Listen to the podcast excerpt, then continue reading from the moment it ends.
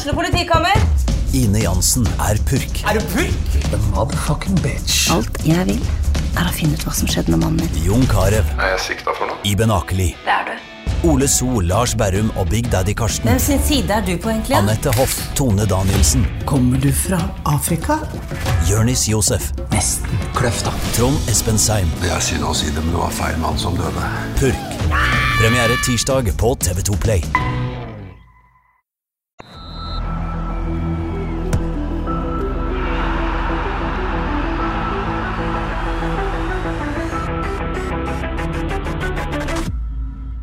Hei og velkommen til episode 121 av Frelst. Mitt navn er Terje Flateby. I dag har vi verken Odd Kåre Grøtland eller Johannes Dale Husebø her. Eh, vi har derimot eh, to kruttsterke erstattere. Eh, velkommen Espen Bull Tornøy og Even Sehl. Tusen takk. Takk for det. Veldig hyggelig at dere kunne komme. Når jeg spurte, var dere i tvil? Eh, nei, for min del så passer det ok nå. Eh, det er ikke så ofte at du vet hva, hvor du er på mandagen. Eh, det gjorde vi denne gangen her, så eh, det var helt ok. og Fin timing å komme nå. Du da, du har jo vært gjest før, men da var det liksom Vi snakka om det før her. Du, da var du trygt plassert på Bryne, og det var en, en datamaskin mellom oss på et vis. Ja, Men, eh, nei, Det er kjekt å være i, i studio, få lov til Ja. å komme her. Det Ja. er det. Så vi, vi ser fram til dette. Ja, så bra. Eh, dere har hatt spillefri. Eh, dere eh, ja, er, Betyr det ei fotballfri helg, Espen?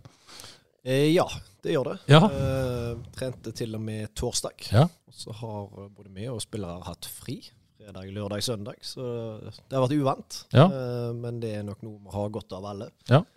Eh, Få skrudd av hodene, eh, først og fremst. Eh, Ja. Og la kroppene hvile litt. Ja. Så det har vært deilig. Ja, Det sniker seg ikke inn en Nations League-kamp og litt breddeball eller noe sånt?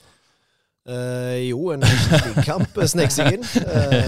Bredde har jeg for sitt liv. Jo, jeg så Vard-kampen. Ja. Uh, det gjorde jeg, så det, Ja. var, det var gøy. Eh, så det å få følge med litt fotball, det er herlig. Ja, Så FK-fri, men ikke fotballfri, da, på et vis.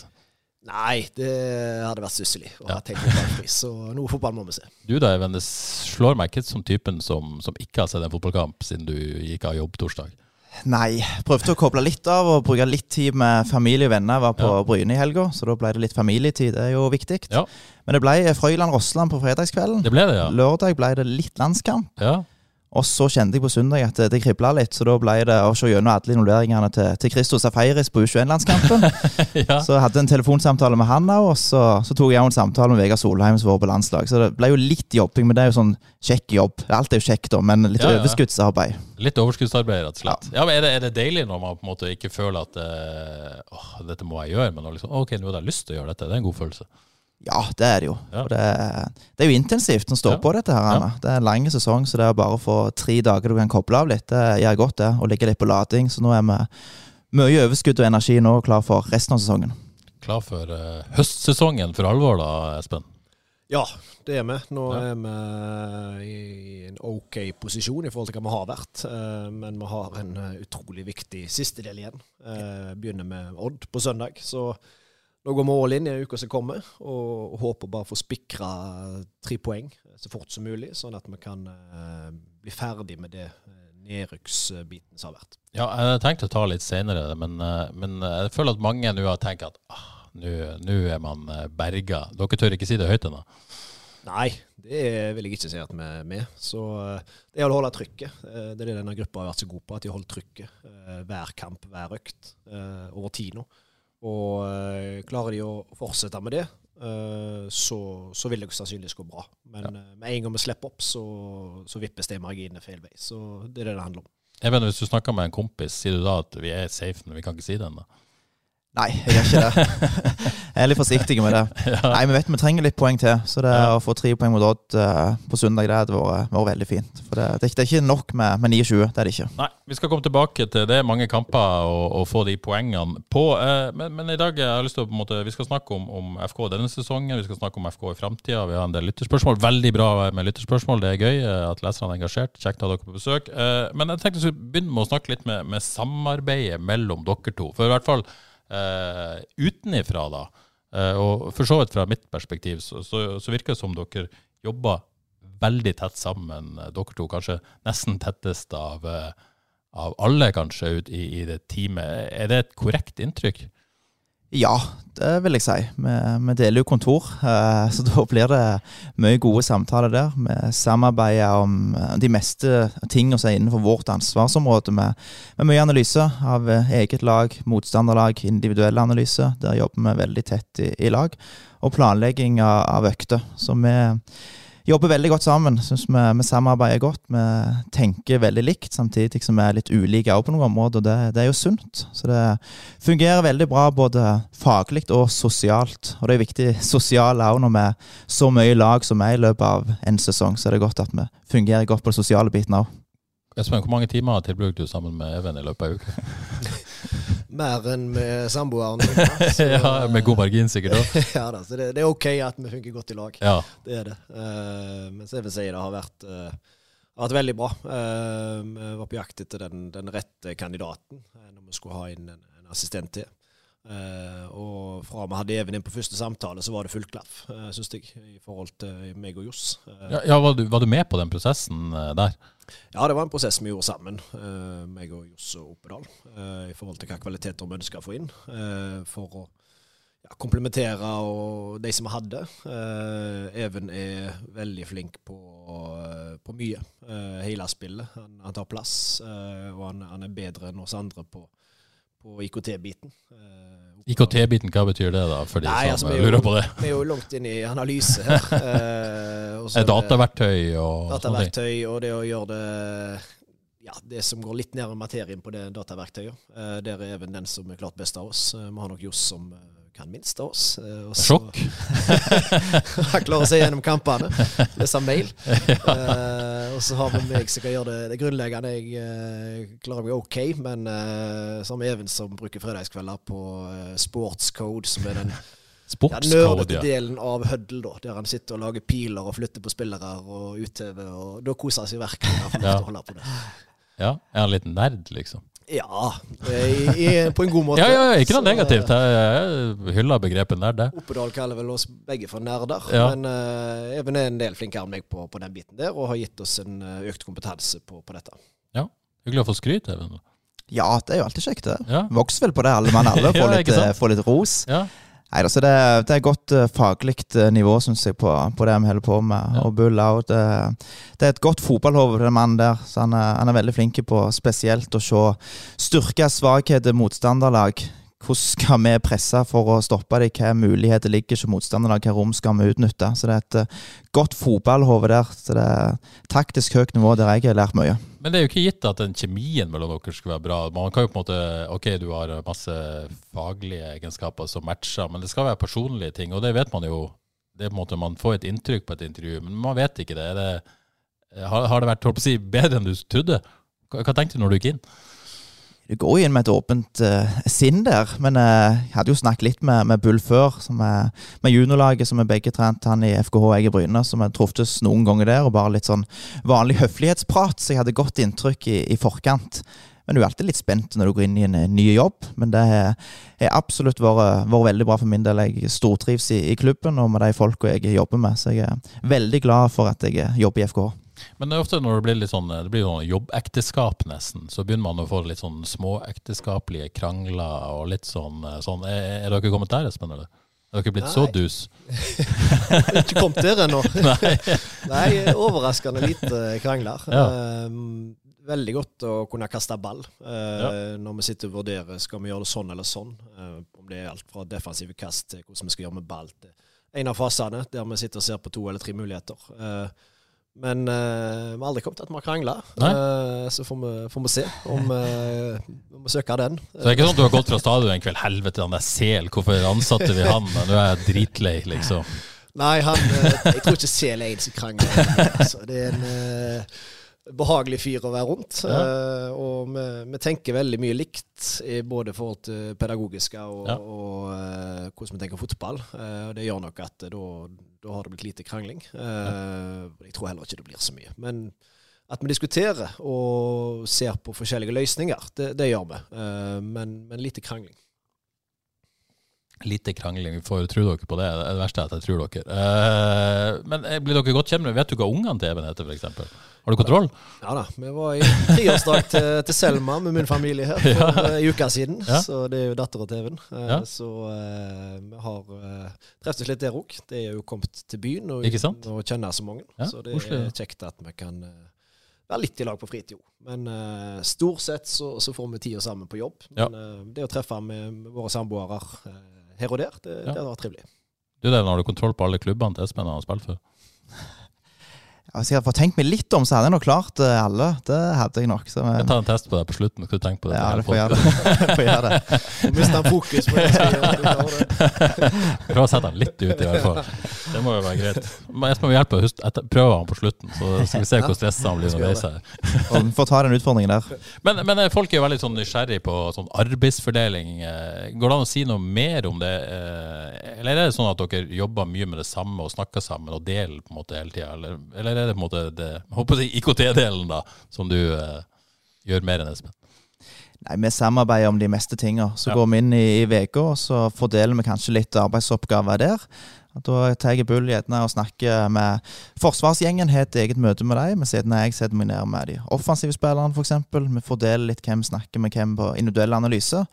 Fordeler litt på motstanderlag, hvem ser på hva. Det kan være at Bull ser på de to-tre siste kampene motstanderlaget går i dybden der, mens jeg ser på hvordan de har skapt sjanser, hvordan de skåret mål, hvordan de slipper inn mål, slipper til sjanser osv. Så, videre. så da får vi dekka det ganske godt der. Så vi fordeler ganske godt der, og også på, på treningsfeltet. Og så fordeler vi litt. Alle er med og coacher på alt, men gjerne den dagen der er Bull mest på den taktiske sekvensen. Jeg er den mest possession-delen, og så har Johs gjerne første del, f.eks. Så vi fordeler ganske godt der. Det gjør vi. Ja, så, og så sitter dere og jobber med dette. Hvor kommer, eh, kommer Jostein inn i bildet? da? Er, måte, har dere et møte med han? Altså, folk er nysgjerrige på hvordan dette foregår. Og så brifer dere han på kampplaner. hvordan, hvordan ja, foregår prosessen? prosessene? Joss er med på alle avgjørelser på, på, ting vi skal gjøre. Både selvfølgelig på lag som starter, men òg taktiske grep. Uh, vi sitter vel mer og, og, ser på forskjellige muligheter. Uh, finner en del bilder som viser alternativer. Skal vi gjøre sånn? Skal vi gjøre sånt? Så det er alltid Johs tar avgjørelsen eh, på at dette går vi for. Vi ønsker å gjøre det på den måten der. Uh, I tillegg så har han en, uh, den biten som går på, på lederansvaret for, for gruppa. Så vi har mer den, den, daglige driften i forhold til, ja, i forhold til motstanderanalyse, eget lag, spillersamtaler som går på hvordan skal spilleren gjøre den og den biten bedre. og også den dagen det er en spiller som gjerne er misfornøyd med spilletid, eller har større ting, så er det inn neste dør. Da er det Johs som tar de, de store tingene. Ja. Er det, er det mye dere ikke får han med på? Nei, det er ikke det. Eh, jeg syns Johs har eh, utvikla seg eh, i en si, progressiv retning i forhold til fotballspillet. Sånn som jeg har jo jobba i, i samme landskap som han i mange år. Og tankesettet hans utvikler seg og har endra seg stadig. Så av og til trenger det litt modning, men stort sett når vi, når vi selger ting inn, eh, så, så, ønsker han å være med på det. Eh, ønsker å prøve det. Eh, så jeg syns han er blitt modig. Jeg syns han ønsker å utvikle fotballen med spillet. Og det gjør at det er veldig gøy for oss å få lov til å prøve å komme med innspill som, som han stort sett går med på. Mm. Hvor, hvor enige er dere to med måten å gjøre ting på? Liksom, er det store forskjeller på dere? Hvis, hvis dere hadde trent hvert sitt lag da, og vært hovedtrener for hvert sitt lag, ville, ville vært så er det jo selvfølgelig spillemateriell og bla, bla, bla. Men sånn idealistisk, da? Nei, det, det, er mye likt der. Det er det. Og det er vel grunnen til at jeg er her òg. At jeg står for mye av det samme som FKH, Johs og Bull sto for. Så ikke hadde jeg ikke vært i, i trenerteamet her. Så vi tenker veldig likt på, på, mange områder. At vi, vi, ønsker å gå fort framover når det mulige er der. Når motstanderlaget er i ubalanse, så, så, ønsker vi det. Og hvis ikke, så ønsker vi å, å være gode til å bearbeide, til å bruke ball, til å ha lengre angrep. Og så opp og presse de vinne ball hurtig tilbake igjen. og så Vi står for mye av de, de samme tingene der på hvordan vi ønsker å spille fotball. Det er bra. Så, og, og, mye av dette har vi jo fått se etter hvert eh, i perioder denne sesongen, i hvert fall. Jeg skal komme på det, men, men først må jeg bare si en ting. Jeg, når jeg har gjester, så prøver jeg jo på en måte å ah, grave opp litt drit, på et vis. For å si det. Ikke sånn negativt, men humor og sånn. Fant ingenting på dere.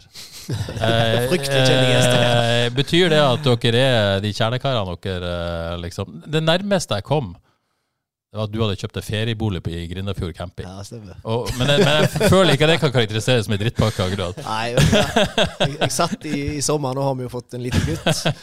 Og fotballjobben den er ganske brutal på sommeren. Når du ser at samboeren må sitte hjemme gjennom hele juli, eh, der alle andre er rundt i Norges land eller i, i Spania eller Hellas eller det ser.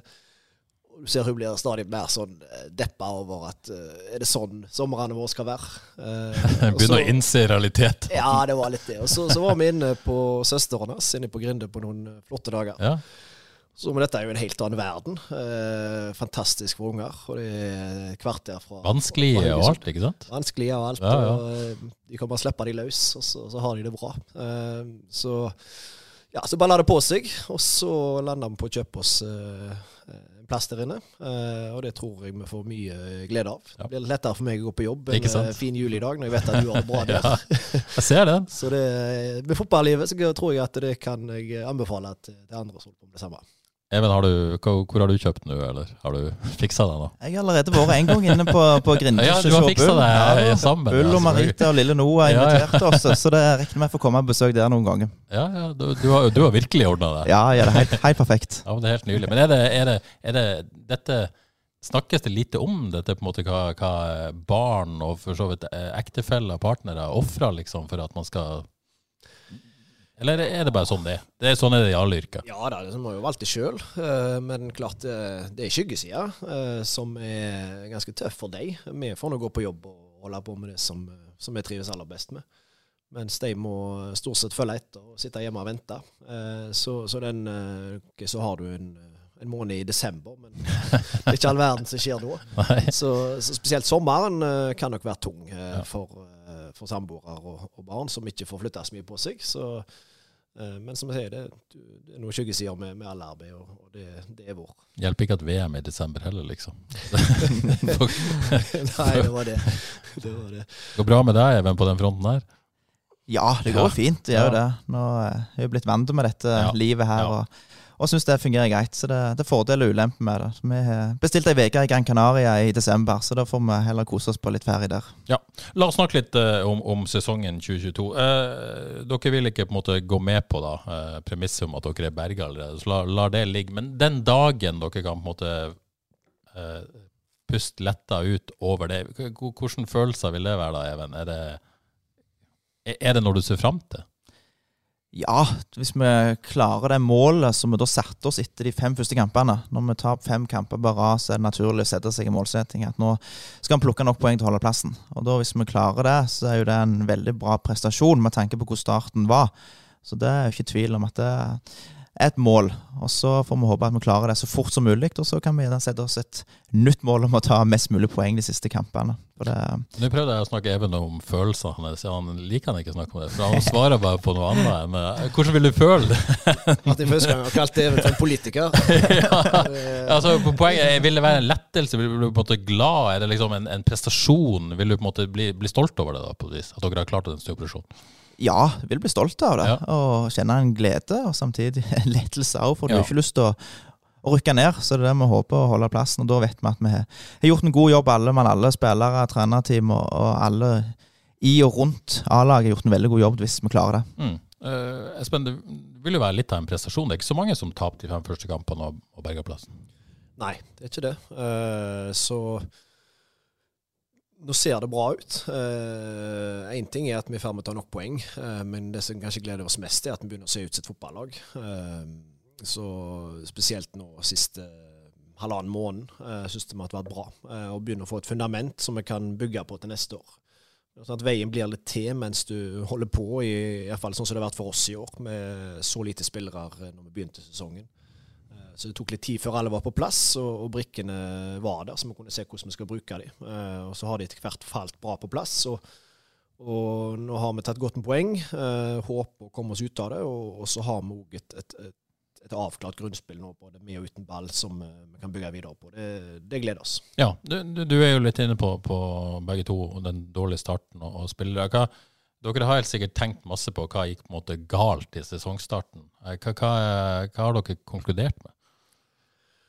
Det er sikkert veldig sammensatt, jeg vet jo det. Sammensatt. Jeg husker jeg sa til meg sjøl før sesongen uh, begynte, altså i uka før første seriekamp, at nå må du bare forberede deg sjøl på at uh, dette går sannsynligvis hakket i starten. Uh, med den oppkjøringen vi hadde når det var innkjøpsstopp uh, første to månedene. Og første treningsleir så var det halvparten var juniorer. første seriekamp så er det Bilal, Søren og Alstad som spiller på venstresida. Bilal kom to dager før. Søren og Alstad hadde spilt sammen et par uker.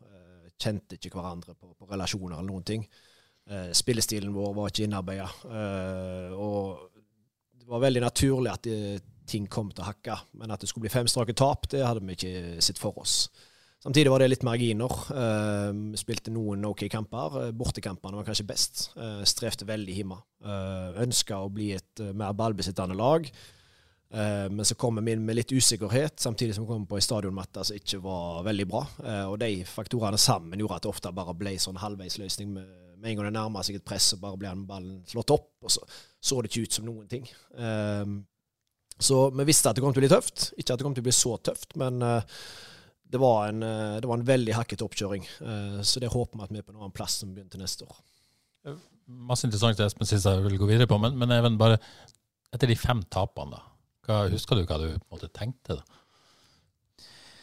Det greia med å ha troen hele veien ja. i den, de fem kampene vi tapte. Så hadde vi troen på at dette kom til å bli bra. For vi visste det at relasjonene ikke sitter helt. Vi visste at spillerne kom til å utvikle seg. Vi kom til å se ut mer som et lag. Så Den troen den hadde vi, og den hadde spillergruppa òg. Det skal de ha, ha skryt for. At de ikke gravde seg ned der, men sto i det, jobbet hardt på trening og visste at vi kom til å få betalt. Så vi hadde den følelsen der. Den var en god følelse å ha. At dette kommer til å bli bra. Hvis vi jobber strukturert og godt eh, videre. Så vi hadde jo veldig fokus på det i, i den perioden, å forsterke det som var bra. Og se på det, for vi gjorde en del bra. Og det vi gjorde bra, må vi bare gjøre enda mer av. Så vi vi var gode der, syns vi ikke bare snakke om det negative, men faktisk ja. snakke om det som faktisk fungerte, og gjøre mer av det. For Jeg var litt nysgjerrig på det, for jeg kan jo tenke meg sjøl, hvis man får en så dårlig start, så, så går jo på en måte fort rullegardina litt ned, man kan få panikk. Eh, men også I tillegg skal man være ledere. da, Man skal, man skal utøve trygghet, man skal utøve det man, man tror på. dette. Men hvordan påvirka det det? Hva gjorde dere for å både holde oppe stemninga både i, i trenerteamet og, og, og i, i spillergruppa, ikke minst? Gjorde dere noe spesielt, eller var det bare å, å måtte stå i det og tro på det? Nei, det som Even sa, det var å se på hva som var bra. Eh, det var elementer i spillet som, eh, som var gode. Eh, og så var det noen ting som gikk på det som gikk på lojalitet, og som var enkelt å gjennomføre, som f.eks. returløp, som, som, var veldig bra. Så det ble på en måte å ta tak i de gode tingene. Og det med returløp syns jeg vi har bevart, og ser av og til noen helt rå Det var et klipp på Twitter som gikk uh, for noen uker siden. Ja. Det var helt uh, rått. Ja, det, det, det, er flere av de, ja. når en bare dukker ned i det. Jeg syns spillergruppa er helt enorm der. Så, så, noen av de tingene som Ok, vi hadde ikke så mye å holde tak i, men vi hadde noen ting som var positivt. det måtte vi snakke en del om. Og så har de tatt det med seg inn, og der syns jeg de er fortsatt helt rå. Altså, de er blitt enda bedre på det. Og så har vi fått utvikla spill etter hvert. Så det begynner å bli mer sammensatt og bedre. Men klart det var en tøff, eh, tøff periode. Eh, men vi trodde genuint på at vi kom til å snu det. Det var ei veldig bra gruppe eh, å jobbe med. Jeg har jo sagt at jeg er ikke sikker på om alle grupper som har vært her før, hadde klart det. Men den gruppa som var her nå, med den lojaliteten og den sulten å få det til sammen, det ga oss håp på at vi mm. kunne få det til. Men jeg visste at det var, det var knalltøft. Det var det. Og, og, dere er jo på en måte relativt ung og uerfaren, da, eh, selv om dere har begynt å få en viss erfaring. Eh, eh, er det, er det, en, det må jo ha vært en viktig lærdom, det der òg? Hadde lært masse i den perioden, sikkert? Ja, du gjør det. Uh, Både om dere sjøl og ja. Ja da, nå har vi fått gjort det en gang, og, funnet ut at, at, det går. Det går an å snu det. det er ikke så ofte at trenere alltid får sjanse til å snu det. mange får sparken på veien. Uh, så der det har hun følt med en voldsom trygghet fra klubben. Uh, de som styrer og steller, var innom veldig ofte i den perioden. Uh, oftere enn vanlig. Bare for å si at dette kommer til å gå bra. Ja. ikke gå tvil på noe som helst. Så det, de som styrer, var flinke på å gi oss trygghet, som gjorde at det er lettere for oss å selge en trygghet inn til spillergruppa. Så det, der er det trygt å være en klubb som FK Haugesund eh, i en sånn periode. Eh, og nå har vi klart det en gang, da vet vi hvordan vi kan eh, gjøre det neste gang. Mm. Det ble jo en, en, måte, en diskusjon om Det er jo Jostein Grindhaug som tross alt som er hovedansvarlig. Det ble jo naturlig nok en diskusjon om han, og, og styreleder var ute og, og sa at uh, det var naturlig, og det var bra at det var engasjement. Det, uh, ja. Skjønner du det? At det var en diskusjon? Selvfølgelig skjønner vi det. At mm. folk stiller spørsmål med hva, hva vi gjør ja. når vi har tapt fem av fem kamper og, og får juling på SR Bank Arena mot, mot Rogalandsnaboen vår. Eh, så, så, det er svei, og det er smerter for alle med hjertet for, for Haugesund, spesielt oss som står og fronter det.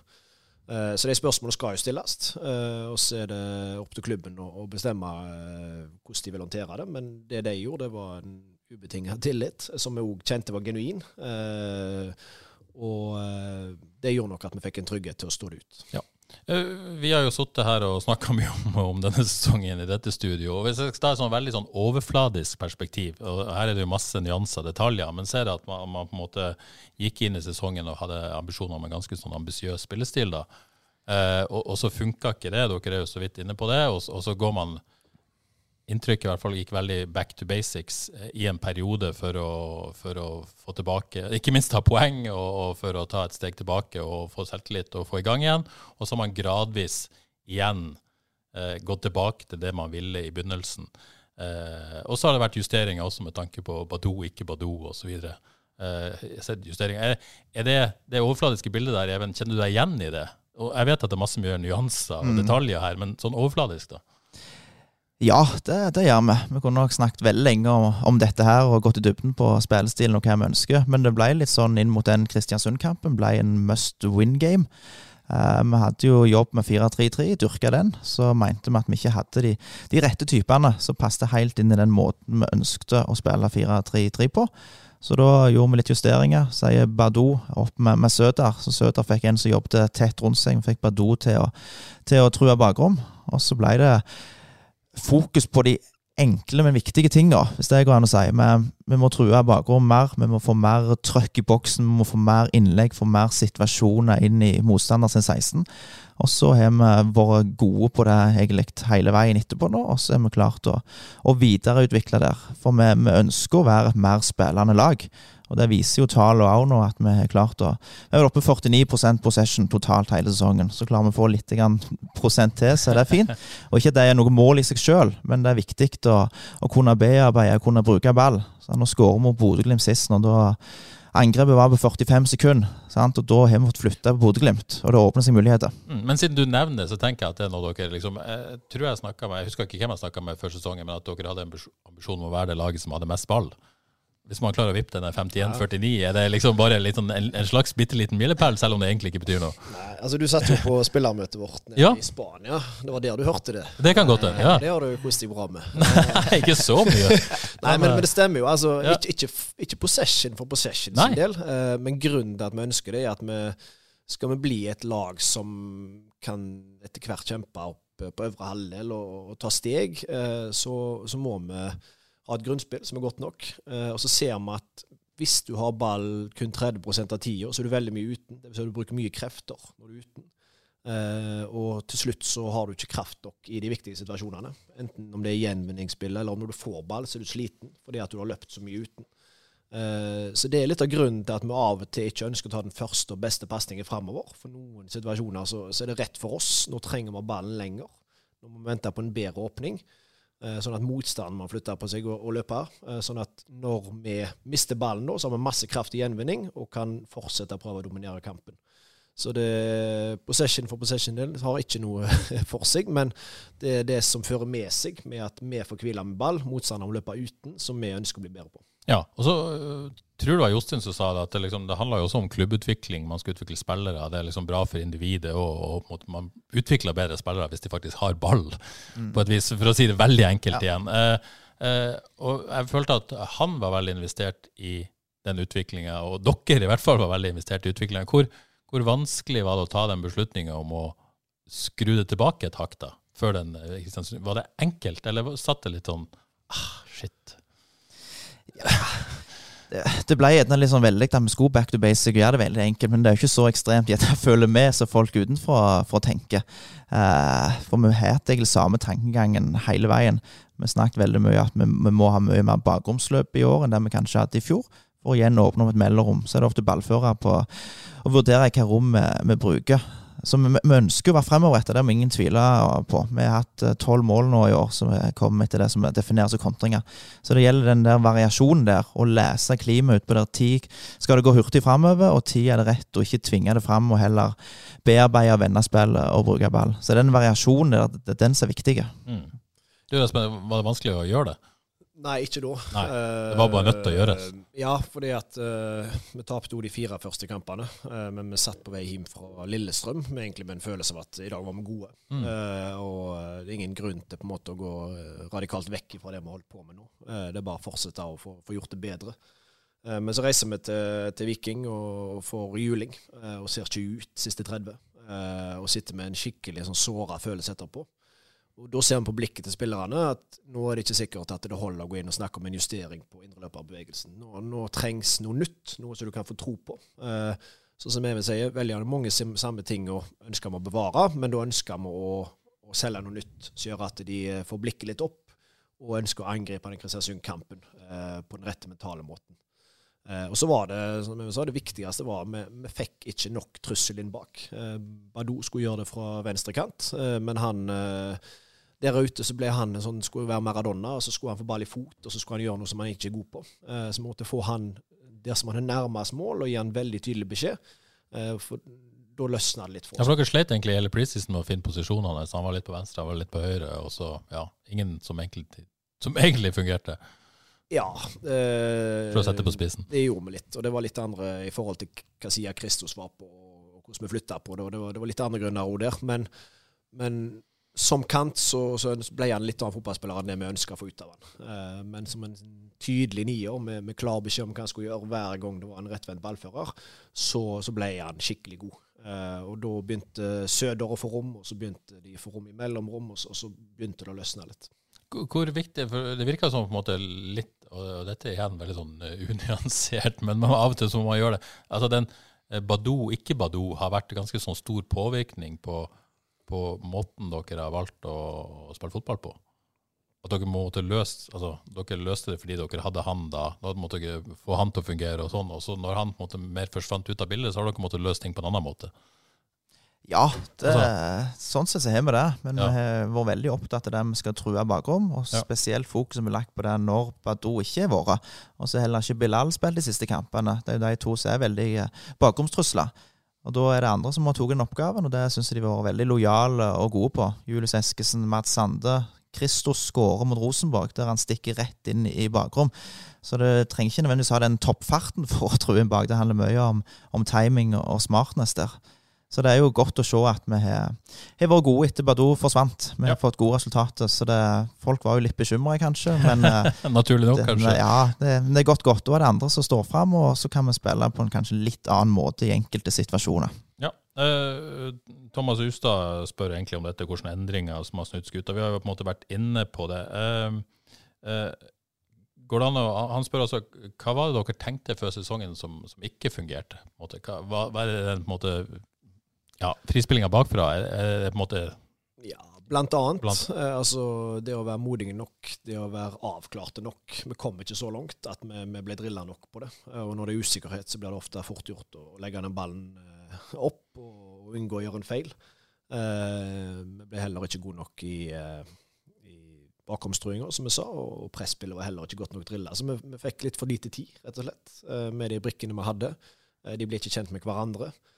Og, og, det skal ikke så mye til før du taper 2-1 istedenfor å vinne 2-1. Uh, eh, men noen av som sagt, Lillestrøm borte, Vålerenga borte er egentlig gode fotballkamper. Mens hjemmekampene mot uh, Sandefjord og Godset var vi litt unnere. Ja. Eh, Thomas er også litt opptatt av det her eh, samarbeidet og samarbeidet med Jostein. Han spør når, når Even og Espen er enige med Jostein ikke er det, så er det to mot én. Har, han, har Jostein veto? Jostein er den som, han er den som bestemmer. Ja. Enkelt og greit. Så hvis han eh, vil gå for noe, så er det han som bestemmer. Men hvis meg og Bull er enige om noe, så vet han som oftest at dette er noe som vi har vurdert nøye. Når vi velger å selge noe til han, så vet han at da har vi gjort en grundig og god jobb. Så da kan det være at han blir, blir enig med oss. Har han Men, eh, sagt ja til noe i år som han ikke burde sagt ja til? Det tror jeg ikke. Nei, men det går jo på bytte, eksempel, under kampene. Så Ja. står vi gjerne og diskuterer nå må vi ha en han. Og så går Bull gjerne bort og nevner det til Johs. Skal, skal vi sette inn han nå? Og så sier Johs nei, vi venter ti minutter. Så da, da er det Johs som bestemmer det, eksempel. Ja. E.H. Mortensen lurer på, hvis Jostein er syk, da, hvem av dere er overordna, og hvorfor? Nei, vi, er vel eh, sidestilt. eh, om, om han er syk eller om han er frisk. Ja. Eh, så uh, syns jeg Even er flink eh, med å ta media og sånt. Jeg er ikke noe glad i det. Så Nei. hvis Even eh, vil ta det, så er det supert. Syns du klarer deg bra, Espen. Jo da, men det er jeg, jeg er glad for Johs eh, der eh, hver gang han kan ta det. Ja. Eh, så Nei, vi ville nok gjort det sammen, som, eh, som vi gjør nå til dags. Ja, altså I, i Viking så har de jo sidestilte hovedtrenere. da. Er, er det på en måte eh, noe som kan fungere? Sånn som dere ser det? Altså sånn prinsipielt? Ja, det Ja. viser jo i Viking at det Mm. fungerte. Ja. Godset har vel den løsningen. Sandefjord har den løsningen og har- har gjort det bra. Så det, det viser jo at det fungerer. Men da er det, jeg tror det er viktig at det er to trenere som som tenker selvfølgelig mye likt, og så er trygge på hverandre og har god tillit til hverandre. Og har en, en god relasjon, da. Det er jo avgjørende. Det er ikke sikkert Roy Evans og Gerard Hollier hadde det i Liverpool i, i sin tid, f.eks. Det kommer an på Og da gikk det ikke. Ja. Rett og slett. Eh, Kunne dere gjort det sammen? I en tenkt situasjon? Ja da, for all del. Eh, vi, vi passer veldig godt i lag og jobber godt i lag. Eh, samtidig så har vi det veldig, veldig bra sånn som det er nå. Eh, vi får lov til å ha mye påvirkning. Eh, vi får lov til å, å komme med våre ideer. Eh, samtidig som eh, Johs eh, tar seg av eh, biten spesielt når det går dårlig, da, så er det han som må stå og fronte det. Eh, det gir nok oss en trygghet. Han har vært flink. og og gi tillit. Flink å få oss til å vokse. Eh, og det er den tryggheten med å slippe andre til, det, det tror jeg noen av og til undervurderer. Der er, der er Johs veldig flink, mens andre vil gjerne holdt på det sjøl og bestemt alt sjøl. Så, så det har gjort at vi har vokst. Og, når vi vokser, så, så får vi prøve våre ideer uten frykt. Eh, og det har eh, etter hvert en del av disse har fungert. Ja, for det er en litt sånn vinn- vinn-situasjon for dere nesten. Dere på en måte får utvikla dere, dere får eh, tatt masse ansvar, men dere blir skjerma for en del av en måte, konsekvensene, da, for å si det Eller? Ja, du kan Dere, si dere det. merker jo konsekvensene sjøl, men i hvert fall ut av det. Ja, nei, vi er jo det er jo 100 fotballtrenere. Vi kan dukke ned i faget og jobbe med lagsutvikling, spillerutvikling. Som hovedtrener så er det mye annet som dukker opp. Det kan være caser som hovedtrener må ta seg av, det er media, det er mye annet. Ja. Så her får vi være fotballtrener 100% Med et lag trent av dere to, uten Jostein i miksen, hvor stor forskjell ville det vært på det vi så på banen? Det er mye hypotetiske spørsmål her. Ja, ja, men det er jo Nei, men Vi er jo veldig samkjørte vi i teamet, altså. Så det, det er jo vanvittig bra for oss å ha Johs med den tryggheten og den unike erfaringen som han, han har. Så den, den er gull verdt. altså. Så vi, så vi samarbeider veldig godt med, med i trenerteamet. Så det, Og litt politikersvar. det var Ja, politikersvar. han, han er politiker. Men, men jeg tror ikke det hadde sett veldig Nei. ulikt. Vi får lov til å komme med veldig mange av våre Ja. ideer. Eh, så jeg tror det hadde ligna veldig på, på det som vi ser akkurat nå. Ja. Uh, Husebø er ikke her, men har et spørsmål. Hvor mye ære tar dere for formasjonsendringer, som man kaller veldig vellykka? Går det an å svare på det? Uh, ja, altså Det var jo en liten gambling som vi gjorde. Uh, vet ikke om Nå tenker jeg sannsynligvis på den siste formasjonsendringen. Vil du den uh, Altså det som skjedde Det er umulig å vite hva man skal kalle det lenger. Men, uh, ja. så, men litt av tanken vår, da. Man kan sånn grovt sett så kan du dele sesongen i tre når du tenker på formasjon. Du har uh, fram til og med Viking, fem kamper ut i sesongen. Der vi er i 4-3-3. Og så går vi over til en base i en 4-4-2 eh, med Kristiansund hjemme. Um, og gjør det OK. Uh, får en del fine resultater, noen fine kamper. Uh, men så sitter vi hele veien med følelsen av at uh, det er så mange lag nå som bygger med, bygger med tre. Uh, spiller med tre eller fem bak. Og Vi strever veldig med å få et godt press på de i, i 4-4-2, som var den strukturen som vi da hadde lagt om til. For du er hele veien én undertall. Du får hele veien kanter som må løpe ned og ta vingbekker. Bilal var, ble veldig lav. Eh, og vi ble uryddige, spesielt i presspill. Eh, så vi slo Sarpsborg. Eh, spilte en veldig svak kamp. Eh, men vi slo Sarpsborg før vi hadde en liten sommerpause, mener jeg. Og så kom vi tilbake og visste at nå hadde vi seks lag på rad, så bygger vi med tre spillere bak. og så er det, skal vi fortsette sånn som vi har gjort, vi gjør det OK, eller skal vi ta en liten sjanse og, og prøve å få dette til å se bedre ut. Eh, da har vi gode samtaler først og blir enige med oss sjøl at vi ønsker å gå for det. Vi har veldig tro på det. Eh, så har vi inn lederteam lederteamet i, i spillergruppa og får deres tanker rundt det. Hvem, hvem er det? Nei, Da snakker vi mest med kapteinsteam, som er Terkelsen, Liseth og Krüger, pluss de to rutinerte i Søderlund og Race, som vi har gode samtaler med der. Um, har de med på lag hvis vi skal gjøre det. De ønsker å prøve det. Så har vi ei treningsuke der vi bruker en del tid på det, og sitter ikke helt. Eh, litt usikkerhet rundt det. Eh, og vi merker det på spillergruppa at det er litt, litt, usikkerhet. Skal vi gjøre dette her eh, inn mot Jerv som er en så viktig kamp? så vi tar en ny prat med ledergruppa og sier at vi har lyst til å gjøre det, men vi vil ikke gjøre det hvis ikke dere tror på det. og får igjen bekrefte at vi vi går for det. og vet at det kommer ikke til å se fantastisk ut mot Jerv, men vi håper det er godt nok til å kunne bygge videre på inn i de neste kampene. Og det holder mot Jerv, og så gjør vi det litt bedre mot Ålesund. Eh, men fortsatt ikke godt nok til Molde, som er neste kamp, men vi klarer å bli litt bedre for hver kamp. Eh, og så etter hvert så, så, så, finner vi rammer for hvordan vi ser bra ut med den gruppa vi har nå. Hvor fornøyd er dere med hvordan dere framstår akkurat nå? da? Det begynner å, begynner å, ligne noe, for å si det sånn. Vi ser ut som et uh, lag. Da snakket Bull litt om defensiven. Nå har vi siste elleve kampene vel, så har vi sluppet inn ett mål i hver kamp. Det er egentlig ganske utrolig. Men det er jo et fint snitt. Skulle gjerne ønske det var clean sheet noen kamper. Men så lenge vi bare slipper inn ett, så er det gode muligheter for uh, både ett og tre poeng, og det har jo kampene vist. Så vi begynner å finne mer ut på hvordan vi ønsker å spille. Offensivt uh, syns vi det er mer felles forståelse nå på hvordan vi, vi ønsker å spille. Uh, når vår uh, stopper er ball, så vet spillerne på hva bevegelse skal gå. Vi er mye mer samkjørte. Og det er jo mye pga. at vi har fått jobbet over lengre tid nå. Fått jobb godt på trening. Du sa jo så fint Flateby sist at du, du, trodde du hadde sett dette på trening, målet mot Bodø-Glimt. Ja. Og det er jo helt korrekt. Ja, så du får med deg noe når ja, du er der. Får med meg noe. Så det, det, viser jo det at vi øver på trening, begynner å få det til mer og mer i, i kamp. Så vi har fått en god base nå.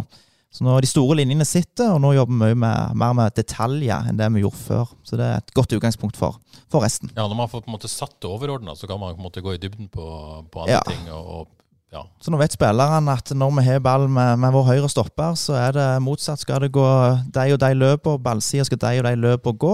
Og da blir det mye vanskeligere å forsvare seg for motstanderlaget. Har det vært uh, en kamp eller perioder av kamper Shit, nå er vi gode, nå er vi der. liksom, Nå får vi det til. Har du fått en godfølelse der, Espen? Ja, den har jeg fått ja. uh, flere ganger. Hvor deilig er det? liksom? Jo, det Nå funker det faktisk. Dette, dette har vi jobba for, og dette, nå ja, går det. Det er herlig følelse. Ja. Uh, som sagt, du, du, får, uh, du, får, både opp- og nedturer når du står der. Du står der noen ganger så står du skikkelig flau og tenker over hva, hva er det vi holder på med. Det ser forferdelig ut. Hva er det vi har sagt til spillerne våre? Vi har ikke klart å formidle budskapet. Uh, og så har du kamper der du står stolt og tenker over at dette er skikkelig bra. Eh, nå dominerer vi mot et godt fotballag, eh, og du merker supporterne hiver seg på. Det blir en deilig følelse, spesielt når de hiver på stadion. så litt oftere og oftere så kommer det snev av den følelsen, og så det gjelder å klare å skape det litt over tid. og så var vi jo inne på formasjonsendringer. Johannes har jo et spørsmål til om denne Krygård-rollen, som jo har skapt en, en viss debatt blant de som er interessert i sånt. Uh,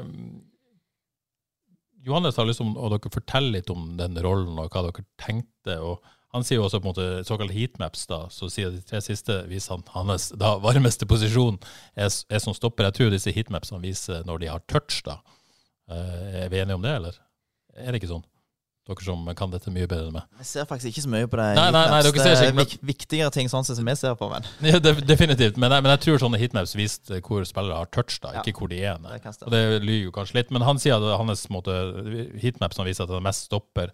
Er det lek å si at han er noe annet enn det?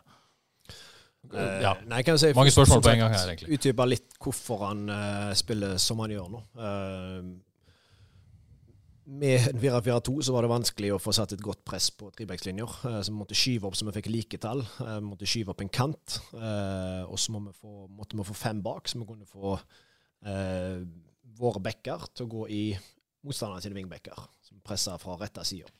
Eh, og så var det hvordan vi skulle gjøre det. Og så har vi med Kevin, som, som er en veldig veldig smart fotballspiller. Eh, uten, uten, at det var han, så er jeg ikke sikkert vi kunne gjort det. For han løste det fint på uka og bare vokst inn i rollen.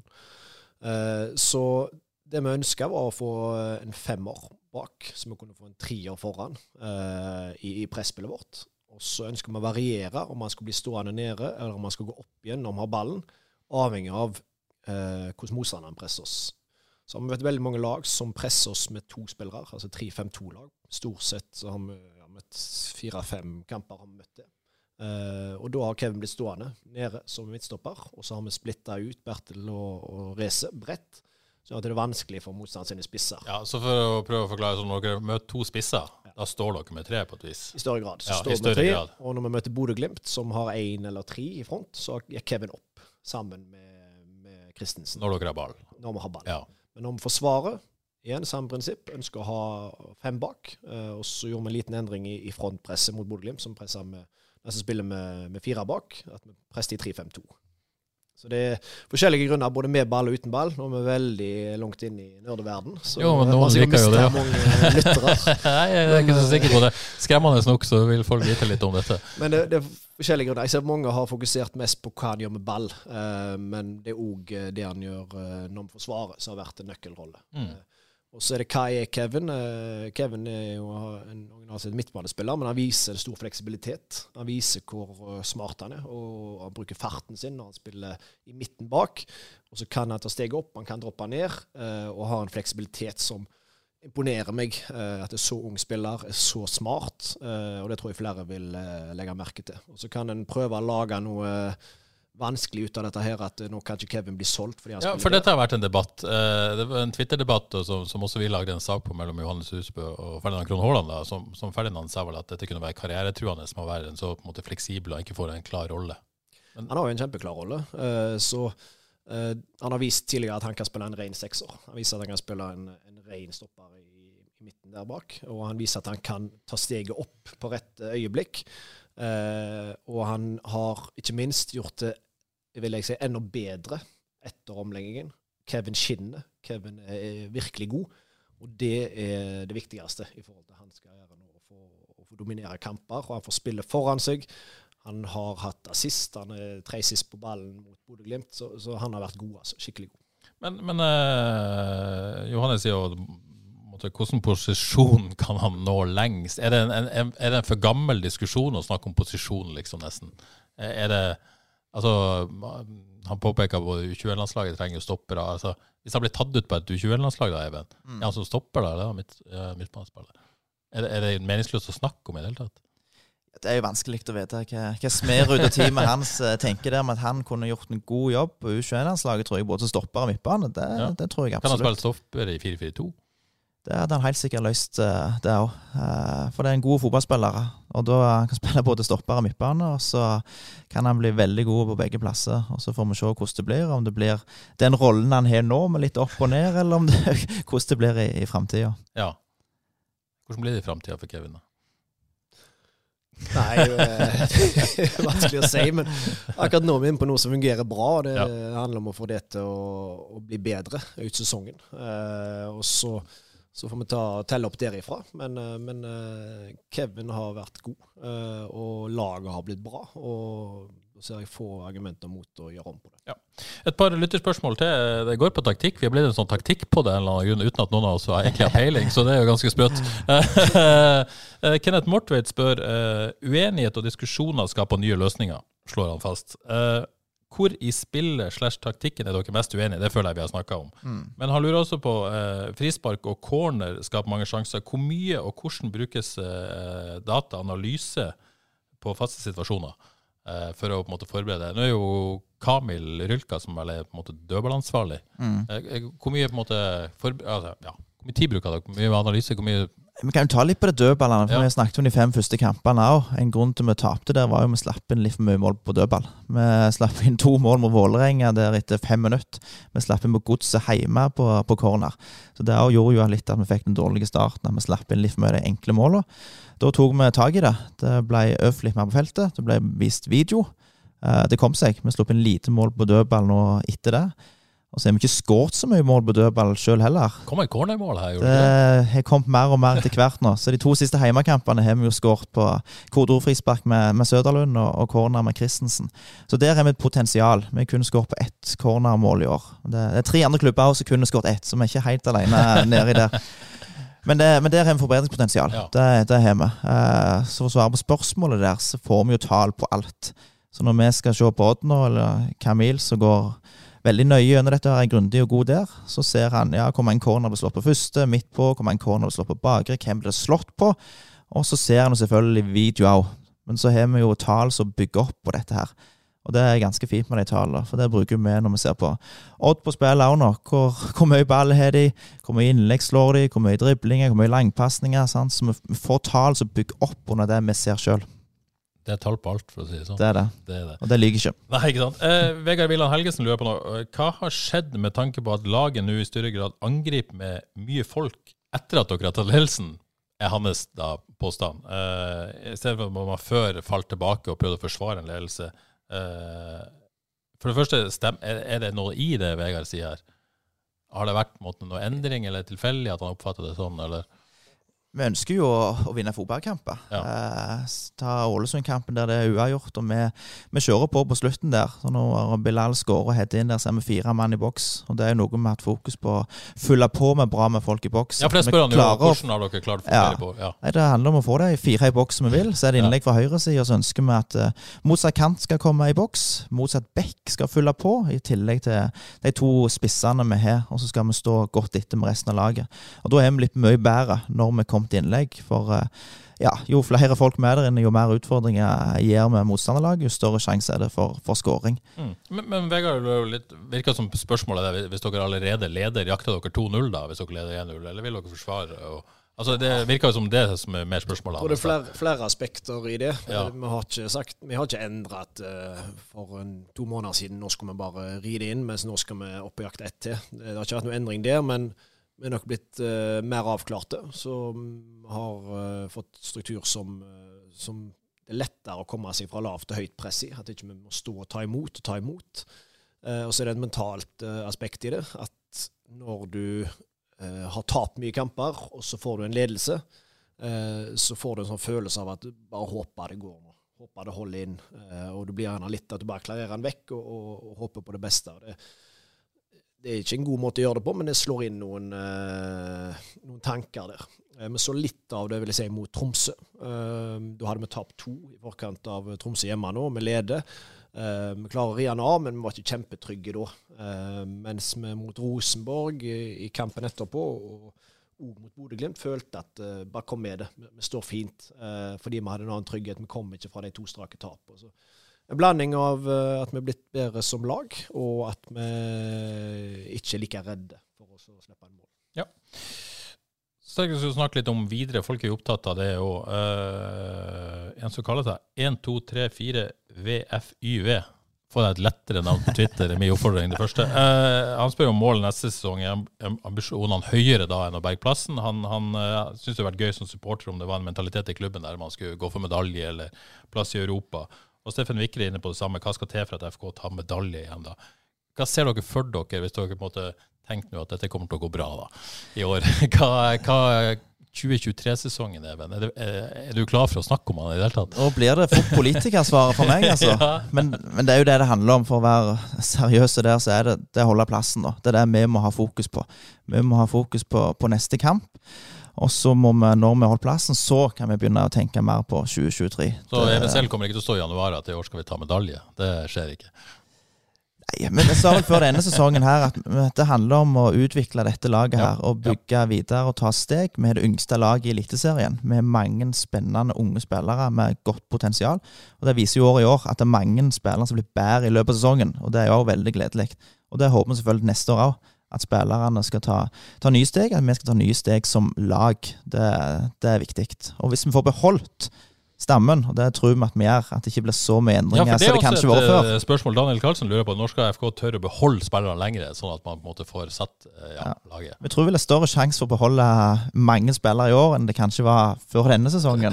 Ja. Eh, og det gir et veldig godt utgangspunkt. For nå har vi en fin stamme. Vi har fått satt et system både med og uten ball. Og det å kunne bygge videre på det, det hadde vært veldig fint. Og ikke starte på scratch. Mm. Så, så har jo sikkert Even helt rett, Espen, det der med at måte, man først trykker plassen, og så, så kan man vel se derfra. Men, men supporterne vil jo gjerne høre litt ambisjoner. Jeg tipper Martin Fausganger eh, hadde stått bra fra et markedsperspektiv om at man var litt ballsy i ambisjonene. Hva, er det, er, kan man være det? Er det viktig?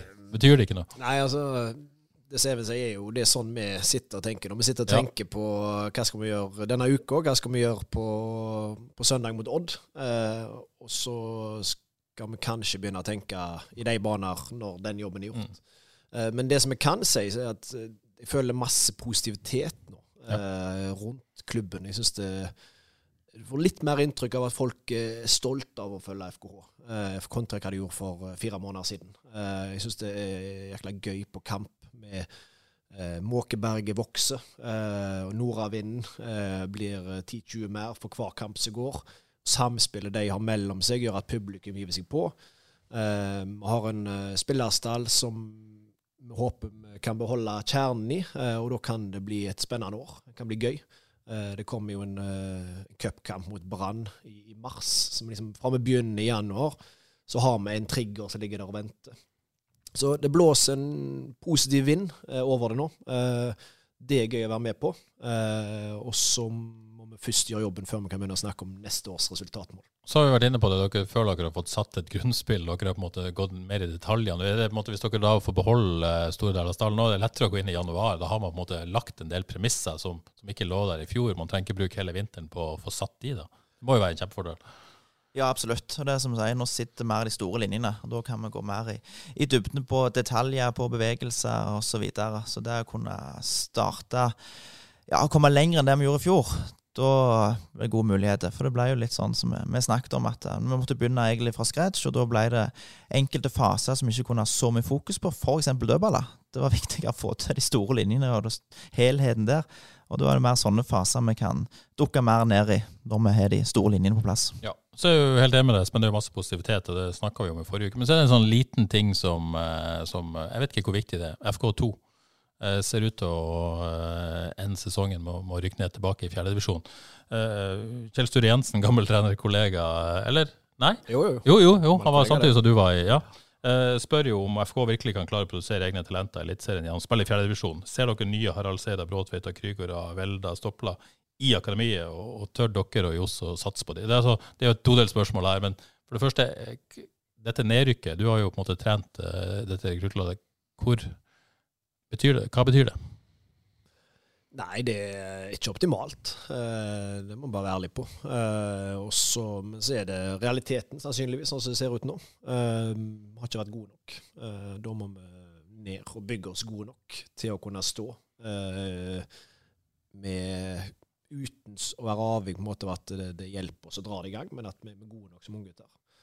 Så må vi prøve å se på de Det finnes noen positive ting med det.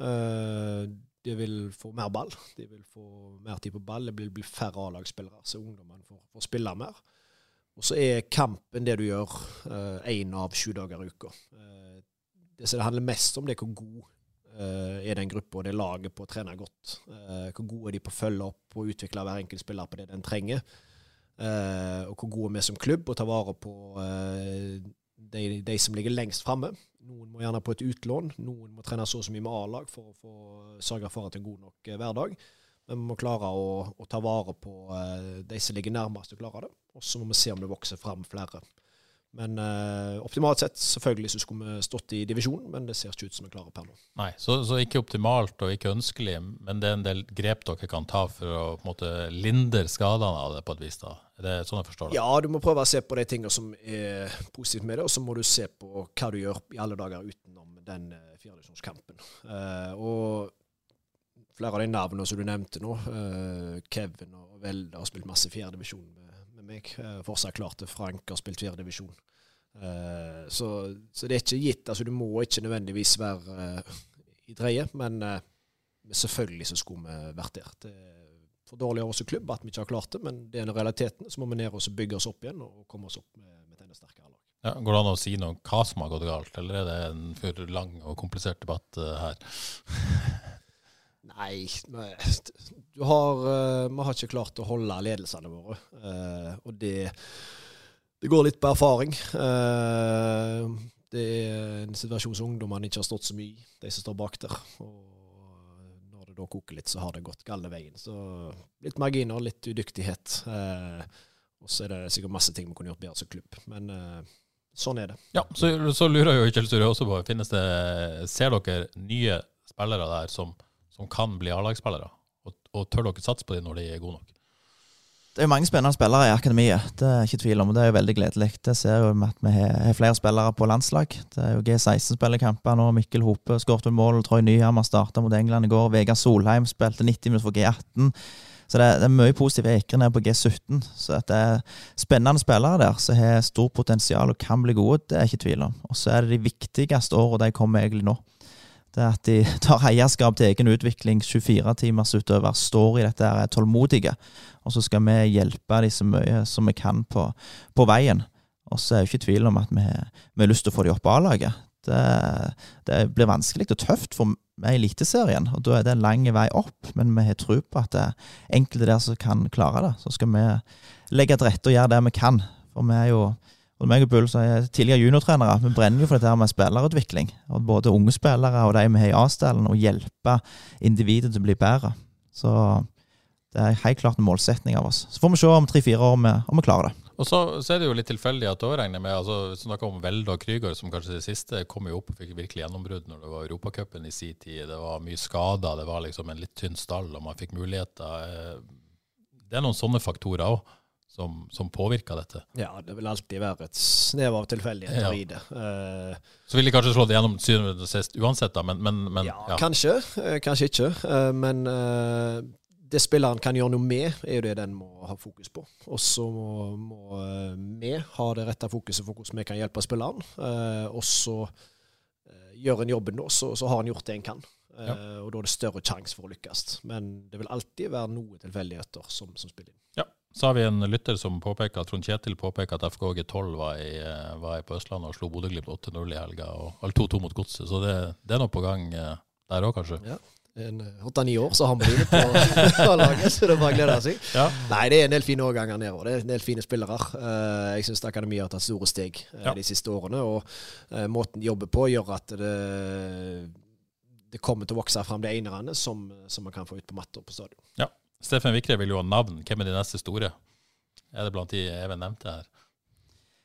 Det er jo godt utgangspunkt. Når de har kommet så langt i den alderen de er nå, så kan det godt være at det er noen der som tar steget. Og det er jo det vi trener med også. Mikkel Hope har hatt ei trening. Troy Nyhammer har vært med på flere. Ekrene har vært med. Så de er allerede oppe for, for å kjenne på det A-lagsnivået. Det som gjerne er neste steg, det er jo at man blir tatt opp som et fast medlem av A-laget. Vegard Solheim ble jo det i vinter. Eh, går det an å spørre, er det noen som er tiltenkt det fra januar av, som, som dere kan si nå, eller er det for tidlig å Nei, de, skal gjøre det i rett tempo for spilleren. Eh, det er ikke alltid at mest mulig tidligst mulig er det som er rett. Eh, så nå har vi, som Even sier, de har fått, de har fått sine, sine, økter i forhold til hvor mye de trenger. Det er en del unge gutter i det som nevner der. Uh, så vi skal begynne å fase de inn så mye som de flytter seg, uh, og ta det videre i, deres tempo. Men uh, vi har stor tro på at det kan vokse fram noen der. Ja. Så skal vi avslutte, før vi snakker bitte litt om Odd, skal vi avslutte med noen lytterspørsmål. Så litt, sånn, litt mer fra sida enn de andre, kanskje. En som kaller seg The Real Ingolf Olsen på Twitter. Espen, vi snakka om det før. Vi, vi, tror jo dette er en parodikonto. Ja, jeg, håper det.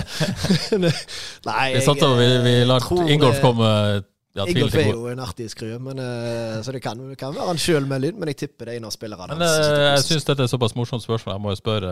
Uh, han sier jo også assistenter imellom, for de som ikke vet det, så er jo Ingolf assistent på Djerv 1919 under Ferdinand Krone Haaland. Han lurer på hvem som klarer seg best og har mest innvirkning på The Big Boss Grindhaug og Ferdinand Krone Haaland her, enn han og dere to.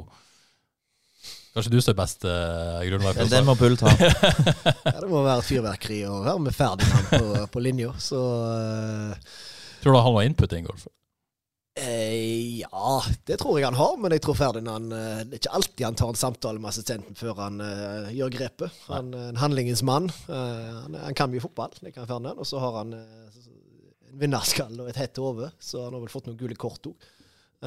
men eh, Nei, eh, vi får lov til å ha mye påvirkning. Eh, det syns vi er stor stas. Ja. Eh, så vet jeg ikke hvor stage er, men eh, det må være artig å være rundt Ferdinand. Du antyder i hvert fall at du tror dere har større påvirkning enn han. Eller den ordentlige. det, det, det er i hvert fall min Jeg må se konklusjon. her, men det er godt mulig. Eh, så Brede Brakstad. Uh, virker som en Brynemann, muligens. Eh, Brede Bergstad. Ja, Ja. ja. Hva er, er faktoren som gjør at Safaris har takla nivået så bra, og en av FKs beste spillere i år? Uh, spilte jo selvfølgelig da 90 minutter før U21 i sin debut mot, mot Sveits og møtte Spania på tirsdag. Even, vil du svare på det? Hva, hva er det med Kristos som, som gjør at han har på en måte bare tatt steget? Og, ja. Han har, han har hele pakken. Det er jo én ting. Det som vi kaller en, en helhetsspiller. Han er bra defensivt i, i presspill, han er bra med ball. Bra løpskraft, bra med høyrefot, bra med venstrefot. Kan slå målgiverne, kan uh, gode innlegg og mål. Så kan han selvfølgelig bli bedre i alle de her fasene, men han har det meste. Eh, Og så har han en, en vinnerskall og en indre drive som har gjort at han har kommet så langt. Og den virker som det er der eh, nå òg, og kommer til å bli enda bedre. For det er en veldig lærevillig og treningsvillig gutt. Og så har han fått tillit og trygghet hos oss. Det tror jeg òg er viktig. Grunnen til at han har tatt de stegene så fort her nå, at han har fått lov til å feile. Han har fått lov til å, å tørre å bruke sine sterke sider. Så det var veldig kjekt med den U21-kampen at han gjorde det, gjorde det så bra. Så det er gledelig. Så han blir spennende å følge- i fortsettelsen. Eh, ja. Strålende. Uh, Torgeir Pleim Iversen spør om eh, mye. Jeg kan ikke ta alt, men han, han påpeker at han, FK hadde en tendens til å starte sesongene dårlig. Eh, ikke bare i år, men litt tilbake. Eh, vi har jo kanskje vært litt inne på det, men, men gjør annerledes der neste sesong. Men det er vel kanskje det å, å, å stå med, da, med, med satt spillergruppe, med satt eh, eh, grunnspill, og, og det kanskje er på en måte, at man har på bytta mye fra år til år. At det kan kanskje være bakgrunnen for dette? eller? Jeg tror mye, mye ligger der. Uh, nå har ikke vi vært med så lenge. Jeg kom inn etter oppkjøringen i fjor, så jeg har vært med på, har én oppkjøring. Uh, og det vi lærte av den, det var at uh, med så lite brikker på plass, og i tillegg ikke ha handlingskraft i januar og februar, så, så får du et vanskelig utgangspunkt. Eh, så nå håper vi å kunne gå inn i det med den stammen vi har. Eh, gå inn i med den spillestilen vi har. Eh, videreutvikle på detaljer istedenfor å begynne på eh, først på tegnebrett og så på å selge det inn i store linjene. Så eh, vil jeg tro at vi kommer lenger eh, i år, nei til neste år enn vi har gjort i år. Ja, Han spør jo om han henter spillere for seint, men dette er vel, eh, det er vel ikke noe man ønsker å gjøre? Nei, det er, det er ikke en bevisst strategi. Nei. Det, nei, det er jo litt posisjonen vi har hatt. At det, du har ikke alltid stått først i køen. Uh, så du, du driver og leter på den hylla på spillere som du kanskje kan få, og kanskje noen sitter og ser om de får noe annet først, og så OK, da tar jeg FK Haugesund. Så det, det er litt vår posisjon som klubb, og så må vi prøve å øke den posisjonen. Og, og samtidig som vi håper å ha flere brikker på plass, så vi slipper å hente så veldig mange. Ja, Man lurer også på om FK spiller for lite treningskamper, men uh, vet ikke helt hvor, hvor det kommer fra. Nei, jeg tror vi har greit antall kamper der. Det, det tror jeg. kamper. Yes. Steinar Lie lurer av eh, også ja, eh, hvor mye av coachinga foregår på norsk, og hvordan løser man fellesmøter og treninger når spillere snakker andre språk? Er her løsninga hent dansker? Ja. Nei, jeg tror ikke vi er så gode på dansk, så da er det bedre med, med norsken. Så ja. jeg, jeg, jeg, jeg snakker, skjønner de jærbu òg? jeg snakker litt penere av og til til de danske spillerne. det, Det gjør jeg. Ta meg sjøl i å gjøre det sjøl. ja.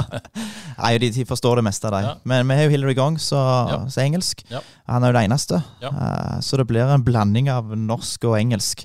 Når vi snakker spesifikt til, til forsvarsgjengen, så er det jo greit å, å få det på norsk. Da får vi det tydelig og bra og med rett eh, budskap. For det er noen nyanser som forsvinner med en gang du går over på engelsk, kanskje. Ja, det blir jo litt det. Ja. Så det blir en, en liten blanding der. Men det Ja. som er viktig, at Gong forstår, da er det iallfall engelsk. Men er det på en måte en pedagogisk fordel at du har på en måte en stall som nesten alle behersker norsk, da, på et vis? Jeg sier ikke at det er noe, på en måte, noe man trenger etter, men når det først er sånn, er det, er det lettere på et vis? Ja, altså, det er nok lettere for oss å formidle spesielt følelser og motivasjon på, på norsk enn på engelsk. Eh, så jo mer du kan ta på norsk, eh, jo bedre blir det formidla. Men det er viktig at alle skal få med seg det, det de trenger for å vite sin rolle. Ole Morten Hobberstad lurer på deg, Even. Hvilken podkast rangerer du høyest? Frelst eller Store stå? Jeg håpte det spørsmålet ikke skulle komme. Jeg måtte nesten stille. ja. To veldig gode podkaster, begge to. Okay. Oi, Jeg traff, jeg traff eh, faren din på stadion en gang. Han sa han hørte kun på Frelst etter at FK hadde vunnet. Ja, det er gjerne noe med det. Det. Men det er en ærlig sak. Påfyll av energi. eh, Faren til Even er vår største supporter. Ja, ja, så hyggelig. Han eh, har vært på nesten alle kamper. Ja. Ja, det var Bodø borte, det var en plass. Tromsø borte var en Borte plass. også, ja. ja, ja. Ja, Jeg tror det er kun borte. to-tre bortekamper han ikke har vært på. Så han, Det er en eh, klasse. han er ivrig og reiser mye. Så Ja. det er jo kjekt at han følger med. Så han er blitt en FKH-supporter. Kan ikke skryte av det samme, Espen. Nei, bare er fortsatt rød og blå, så jeg tror, han, eh, jeg tror ikke han ser på stadion engang. Nei, det, det, er det greit at du er FK? Eller? Ja da, det er helt i orden, det. Eh, og han eh, ønsker oss nok vel, men eh, jeg tror det er noe som går imot han på å gå på, på stadion og Ja. støtte FKH. Så, men han vil nok at vi skal gjøre det bra. Han ønsker at du gjør det bra. Ja, Så det kan han strekke seg til. Men uh, når det er verdkamp, da sitter han der. Ja. da, er han, uh, da er han ivrig. Det er jo noe litt vakkert med det. Ja, det, jeg syns det er herlig. Det, det, det er godt at det er litt av de følelsene som sitter. Ikke sant? Så har, jeg vet ikke om dere har sett det, men Geir Høvring har delt en video på, eh, på Twitter der han lurer på hvem av dere to Har dere sett den videoen? For Hvis ikke så blir det jo veldig vanskelig å ta det. Men det, det er en mann som serverer med en kaffekopp og gjør en practical joke på den andre. Og så er det sånn. Men hvis dere ikke har sett den, så blir det håpløst. Eh, Jo, jeg så den videoen, ja. ja, jeg jeg føler ikke at det er kanskje ikke er noen av dere to. Føler dere at du gjør noen practical jokes på hverandre? Jeg ser ikke helt for meg at det er liksom så mye av det. Nei, det er ikke det. Uh, lite practical jokes. Det er Rokstad og Oppedal. De driver og Det er de som er- stikker i hverandre. De Ja. har gjort det i mange år. Send snaps med med filter og Ja, sånn syns de er stas. uh, eh, Spøk og ler. Jeg, eh, Even er jo en ung mann, eh, men jeg uh, syns han er godt voksen mentalt. Så jeg er 55 år. Så, så fredagskveld for Even, da, da er det Dagsrevyen og Detektimen. Og så, En gammel mann i en ung kropp, rett og slett. ja, rett og slett. Ja. Spasertur først for å få den perfekte fredagen. Så, så det er mer sånt. Det, det syns jeg er Ja. gøy, når Even er, igjen hvor ja, men det er noen som er litt sånn. Ja, vi Ja, har, noen vi har noen her òg. Eh, Men uh, practical jokes kanskje vi har litt å gå på der. Er Kanskje litt tørre jellige.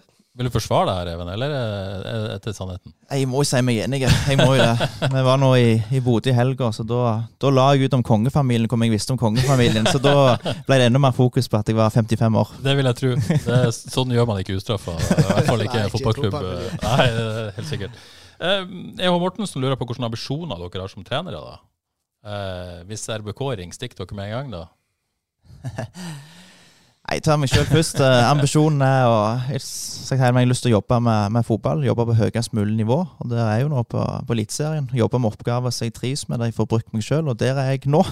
Så jeg har det veldig veldig fint her jeg er i, i FKH. En kamp av gangen? Ja, det blir det.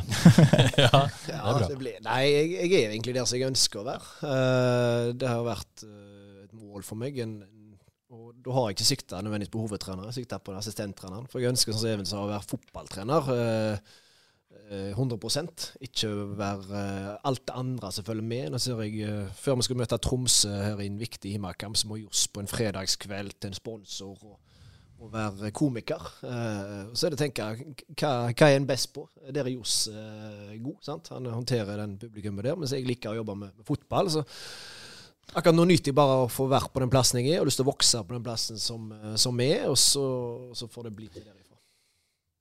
Ja, men eh, eh, har dere helt ærlig eh, på et eller annet tidspunkt dere, dere ser for dere å bli hovedtrener en eller annen gang? Even? Jeg kan ikke utelukke det, men, det er liksom vanskelig. For ti år siden så var jeg enig der ja, jeg skal bli hovedtrener Ja. fortest mulig. Ja, for du ville jo bli det i Bryne, tross alt. Det er jo ingen hemmelighet. Ja, jeg Ja. eh, stilte meg til rådighet der. Ja. Men samtidig som jeg ikke ble det, så var jeg liksom på jakt etter den assistenttrenerjobben for å få ja, jobbe med det jeg er, god til, og utvikle meg videre der. Så det er ikke noe mål i seg sjøl at du må bli hovedtrener fortest mulig. Du får liksom andre perspektiv på ting etter hvert, og ser det at det, det er mange veldig fine roller i fotballen. Og Ja. Da trenger jeg nødvendigvis ikke være hovedtrener. Har det noe, gjør det at dere får såpass mye ansvar og påvirkning og den rollen dere har her, at dere har på en måte bedre tid på det, hvis, hvis dere skjønner hva jeg mener? Ja, helt Enn dere bare- bare en kjegleflytter på, på treningsfeltet, liksom? Ja, jeg syns jo det er det som gjør at det er så kjekt. Uh, vi får lov til å gjøre alt det kjekke, uh, samtidig som vi slipper noe av det som jeg ikke syns jeg er best på. Uh, og så hele tiden har jeg sagt at jeg skal skal trives med hverdagen når en gjør det. Eh, og det gjør jeg akkurat nå. Og så er jeg ikke sikkert jeg gjør det hvis jeg skal stå på og fronte dette her hver eneste dag. Det, kanskje det vokser sikkert at en har lyst til å gjøre det, men per nå så syns jeg at det er perfekt å få lov til å gjøre sånn som vi gjør det, med, med Johs som gir oss så mye tillit og, og mulighet til å vokse. Mm. Men eh, hvis dere blir hovedtrener i lag, så sender du bare han i media og til sponsorene, og så kan du ja, da er det greit. Han er jo sjarmtroll, så det, dette kommer til å gå strålende. Ja, det Og Da har Dere har vi, jo arbeidsfordeling. Det blir mye lott og løye med en sel fredagskveld. Ja, ikke sant? da har vi arbeidsfordelingen klar, så det er fint, det. Ja, jeg appellerte til de eldre og i det hele tatt, så det er jo helt perfekt. Eh, men eh, han, Eva Mortensen lurer også på noe liksom, sånn norske trenere. da. Er det noen dere ser som, som er bra, og som kommer til å nå langt? da? Hvordan, altså, er det noen dere har lyst til å liksom, som dere ser ja, han er flink? Dere tar sjansen på å dra frem? Det er ikke lov. Ja, dere er ikke nødt til å altså- svare på dette. Altså, men Nei, Kjell er bare- Knutsen har jo gjort et imponerende stykke Ja, arbeid. Eh, og det som er så imponerende, er jo hvordan de har fra en klubb på en størrelse med Haugesund, uh, at de har klart å bygge seg til en stor faktor i norsk fotball. Uh, og at de har blitt så gode på sitt system at uh, spillerne er nesten bedre enn de egentlig er. Eh, så når de kommer ut, så er de ikke sikkert de var så gode, men de var veldig godt drilla i den type fotball. Så eh, det de har gjort, eh, og det han har gjort med sitt team, eh, er imponerende. Så skal jeg dra fram noen, så er det kanskje den per nå. Støtter den. Ja. Spesielt blir det som Bull sier der med, med teamet. sant? Det er jo ikke noe one man-show dette her å være hovedtrener i en fotballklubb. Det handler om godt teamarbeid, og det er jo veldig inspirerende å se den, det jobben Bodø-Glimt har gjort med teamet, med mange flinke folk som er med og bidrar. Helt klart. Og så kommer det et uh, Odd-lag, for å avslutte med det. Uh, vi må prøve å unngå å ta rekorden til Martin Fausganger i lang pod her. Vi har noen minutter på oss. Uh, Odd-lag i god form til Haugesund stadion på søndag. Har vunnet fire av de fem siste, vel, og den, andre, den siste kampen er en uavgjortkamp. Uh, er analysen gjort, Even, eller er det du begynner med i dag? Har du kontroll? Nei, Vi vet jo litt hvordan, Odd spiller, hvordan Ja. de opptrer, men det, det blir mer og mer i dag. Så Bulla var inne og sett litt i helga, så jeg. Så på Odd-kamper som er lagt inn i Huddle der, så har han iallfall vært litt på jobb i helga. Han Så- prøver å si at han ikke har Ja, ja, ja. gjort det på natterstid. Ikke si at det er uhibla. Nei, men det viktige er Nå har vi noen dager på oss nå. Nå har vi ikke noe kamp i går å analysere. Nei. Så da har vi i dag og i morgen da det blir få litt ekstra på Odd. å ta. Hvor, hvor, eh, hvor skal de straffes? Hvor har de svakhetene sine? Kan dere si noe om det nå, eller er det sånn uh, yrkeshemmeligheter akkurat nå? Nei, vi kan ikke Det alt her. Eh, Men, uh, men det som er at vi spilte mot de siste, altså Odd er et lag som ønsker ballen mye. Odd er et lag som er vanskelig å presse, uh, for de har en flyt og fleksibilitet i, i måten de beveger seg på. Uh, Men med et godt presspill og gode brudd, så kan vi gjerne straffe dem. Vi kontrer inn en, et par mål på de i Skien, og vi de skal nok være, eh, ha respekt for kontringsspillet vårt i denne kampen her òg. Og så blir det en del andre elementer også i tillegg. Men, eh, men det er godt mulig å straffe Odd. Men uten at jeg er noen Odd-ekspert, har de fått satt seg mer de òg enn de var i begynnelsen av sesongen? At de er på en måte litt på samme spor som dere? Altså sånn utviklingsmessig, eller er det Det har vel gått litt opp og ned. De begynte vel veldig bra, eh, og så hadde de en dårlig periode. Folk begynte å finne ut av eh, noen svakheter hos de. Og så har de gjerne kommet seg litt på sporet igjen nå, og som du sier, hatt gode resultater i det siste. Eh, så, men det er en klubb liksom, jeg føler at vi, vi driver konkurrerer mot, litt i samme sjiktet som oss. Så det å ta dem hadde vært eh, fantastisk. Eh, og nå har vi vært gode hjemme, litt over tid. Det har blitt en god atmosfære. Det har blitt litt tøft å komme til stadion igjen. og og det er det vi ønsker å få til igjen på, på søndag. Og så har dere jo starta med samme lag, tok han på rad, og det har vært en kontinuitet og alt dette her. Nå eh, må dere klare dere uten både Søren Reze og Christos Safaris. Eh, Even, går du inn i uka og tenker at du har en plan for hvordan dere skal gjøre det, eller er det sånn dere på en måte tar gradvis i løpet av uka? Vi starta vel tidlig der og begynte å tenke litt på hva gjør vi nå når de to er ute. Hvem er aktuelle til å komme inn? Hvilke spillere kan gi oss noe i denne kampen her? Så Det er jo noe vi begynner tidlig å tenke på. Og så er det jo ei treningsuke som er viktige. Vi vil ha spillere som presterer godt på trening og viser der at de er i god form og vil spille på, på søndag. Men det er viktig å ha noen tanker litt tidlig. Men det at de to er ute, det gir mulighet til andre. Og det er det som er fint nå, at vi har en, vi har en god tropp. Vi har jo mange gode spillere på benken. Så det er spillere som er, er klar til å komme inn fra start, og som vi vet kommer til å gjøre en god jobb. Så det, det er en god følelse. Ja, og så For å unngå kjeft fra Husebø, så er jeg nødt til å spørre, eh, stille et spørsmål. Er Hvalstad aktuell som eh, venstre stopper? Kan han spille der i FK? Det kan det være. Eh, Men Valstad eh, har et vondt kne, så må vi se hvordan Ja. status er på det. Eh, så han har eh, ikke trent regelmessig siste ukene. Så det spiller også litt inn at han må, må komme seg skikkelig på beina og i, i god kampform. Men Valstad har mange fine ferdigheter òg til å spille stopper. Er Veldig hurtig, han er, han er god defensiv, han er, han er bra på hodet. Så det kan være et alternativ. Ja. Ulrik Fredriksen er denne, åpenbart. Ja, Ulrik har blitt bedre og bedre. eh, har fått orden på låret sitt. Det har vært gledelig. Han har fått seg en del gjennomkjøringer med toerlaget. Eh, så Ulrik eh, har sett bra ut eh, de siste ukene, og han er òg et godt alternativ. Og da må da Anders Bertelsen flyttes over på venstre for å gå i detaljer hvis han skal spille, eller kan han eh, Ja, blir sånn? Kanskje. Kanskje. Et alternativ. Eh, og så er det vel litt mer åpent, kanskje, den andre plassen. For det har nok ferdigheter dere vil ha, ha inn eh, som for Kristos. Hvilken spillertype. Hvordan, eh, her, eh, det er vel ikke bare å plukke en direkte erstatter? Eh, for dere har ganske mye typer å velge mellom. Ja, det har vi. Så vi må se hva som passer best til denne kampen her Ja. nå. Hva trenger vi? Trenger vi den spillertypen, eller trenger vi den spillertypen? Men det, det er gode offensive spillere på benken, så vi har mange gode alternativer. Så det, det er fint. Så får vi se i løpet av uka, rett og slett. Du Ja. sitter, sitter vel klar Jeg sitter klar. og ser etter et lag? Gjør det. Ikke alltid man klarer det, da, men eh, Nei, det Det er er ikke så- alltid vet. det Altså, er ikke så viktig heller. så- Men det er jo gøy å gjette rett. eh, Sånn. Ja, noen ganger har vi en god følelse tidlig på Ja. hva det blir. Eh, andre ganger så ønsker vi oss å måte, Det er så jevnt som det er nå. Eh, så handler det om å se litt hvem som eh, ser veldig skarp ut. Eh, og det er det som er litt herlig med den uh, jevne, gode gruppa vi har fått nå, at det er en fair konkurranse. Eh, og det gjør at de pusher hverandre eh, hver dag på trening. Og det er en som slakker av to dager, så vet han at ok, da ryker jeg ut av Ja. laget. Så, så det, vi kom på en god plass der, og så får vi se hvem som ser skarpest ut etter i eh, frihelg. Og seier mot Odd, da er vel Pallassenberga. Ja, Nå begynner vi å nærme oss. Nei, da er vi gjort. Vi trenger tre poeng til. i hvert fall. Og får vi dem nå, så skal vi, skal vi se at mye er gjort. Og nå er jeg spent på om Even har tenkt på dine tidligere klubber i hele podkasten, eller om han har klart å legge det vekk. Jeg har vel klart meg greit i svaret, i hvert fall så jeg klarte å holde litt fokus, selv om jeg tenker Ja, litt på det. Du, du, Eh, Nei, men ja. eh, vet jo, Bull er jo Verd-gutt, så jeg Ja. har i hvert fall vært i verden en del år. Spilte vel Adeccoliga som dette den gangen, for Verd. ja. Studerte jo i Sogndal, men jeg er litt usikker om han spilte for noen klubb der, eller om han reiste til Haugesund og spilte, pendla litt der. Den er jeg litt usikker på. Ja. Så han har vært i nord, ja. med Ørjan Sørhus, tro jeg bakrom i, i nord. og så har jeg vært i Åkra. Fikk vel noen kamper òg, trener. Der var vel spillende assistent igjen i starten der. Så fikk vel noen kamper der. Det er tre av fire, eller? Ja, det er noe, Han er innom det meste. Ja. Altså, jeg, hadde spilt, jeg var jo i militæret i Finnmark. Spilte et år for Porsanger. Oh, har spilt der òg, stemmer det. Den er vanskelig. Ja, det, å si det- det den, den visste jeg ikke. det. Eh, Så hadde jeg Jølster et halvår som jeg spilte for når jeg var Ja. i Sogndal. Ja, det Eh, Jeg vanskelig. hadde egentlig lagt opp eh, fra fotball når jeg var i Vard. Eh, Vi var i Obos, og jeg satt på benken og reiste landestrand. og kom aldri innpå. Og var student og kjørte til Stord hver morgen. Eh, Så det ble fryktelig tungt. Og så sa jeg nå tar jeg en pause. Eh, Så begynte jeg med å spille igjen oppe i Sogndal. Så hadde jeg en epoke til i verden jeg kom tilbake. Før det ble Åkra. Eh, Men, eh, men eh, ifølge fotball.no så har du en kamp for Hauga, da? ja, jeg har en, eh, ja, litt under en sesong ja. der òg, så eh, plutselig så har jeg vært i fryktelig mye klubber.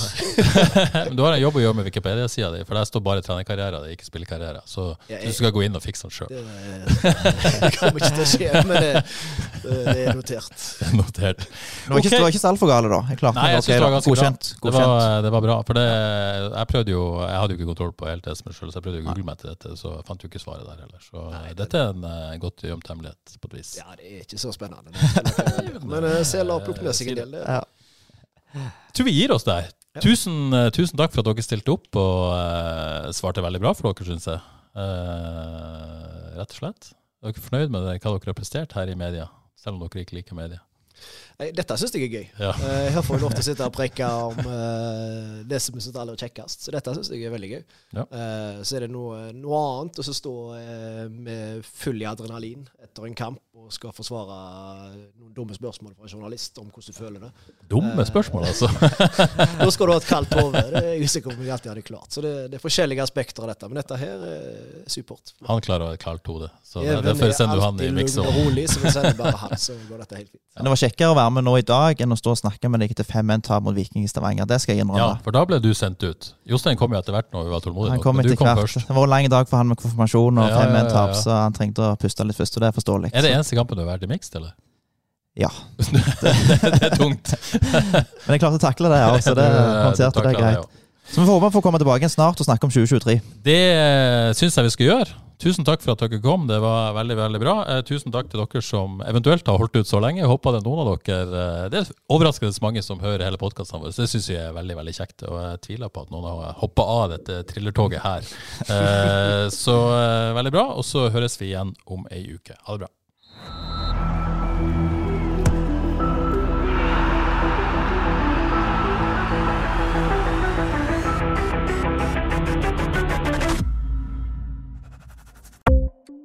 Ukens annonsør er HelloFresh.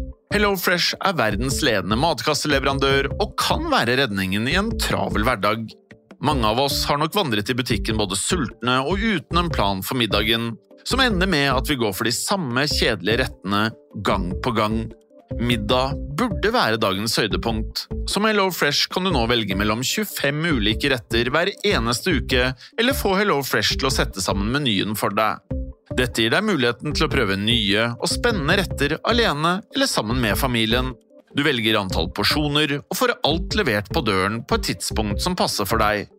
Oppskriftene er enkle, og maten er lett å lage både for store og for små.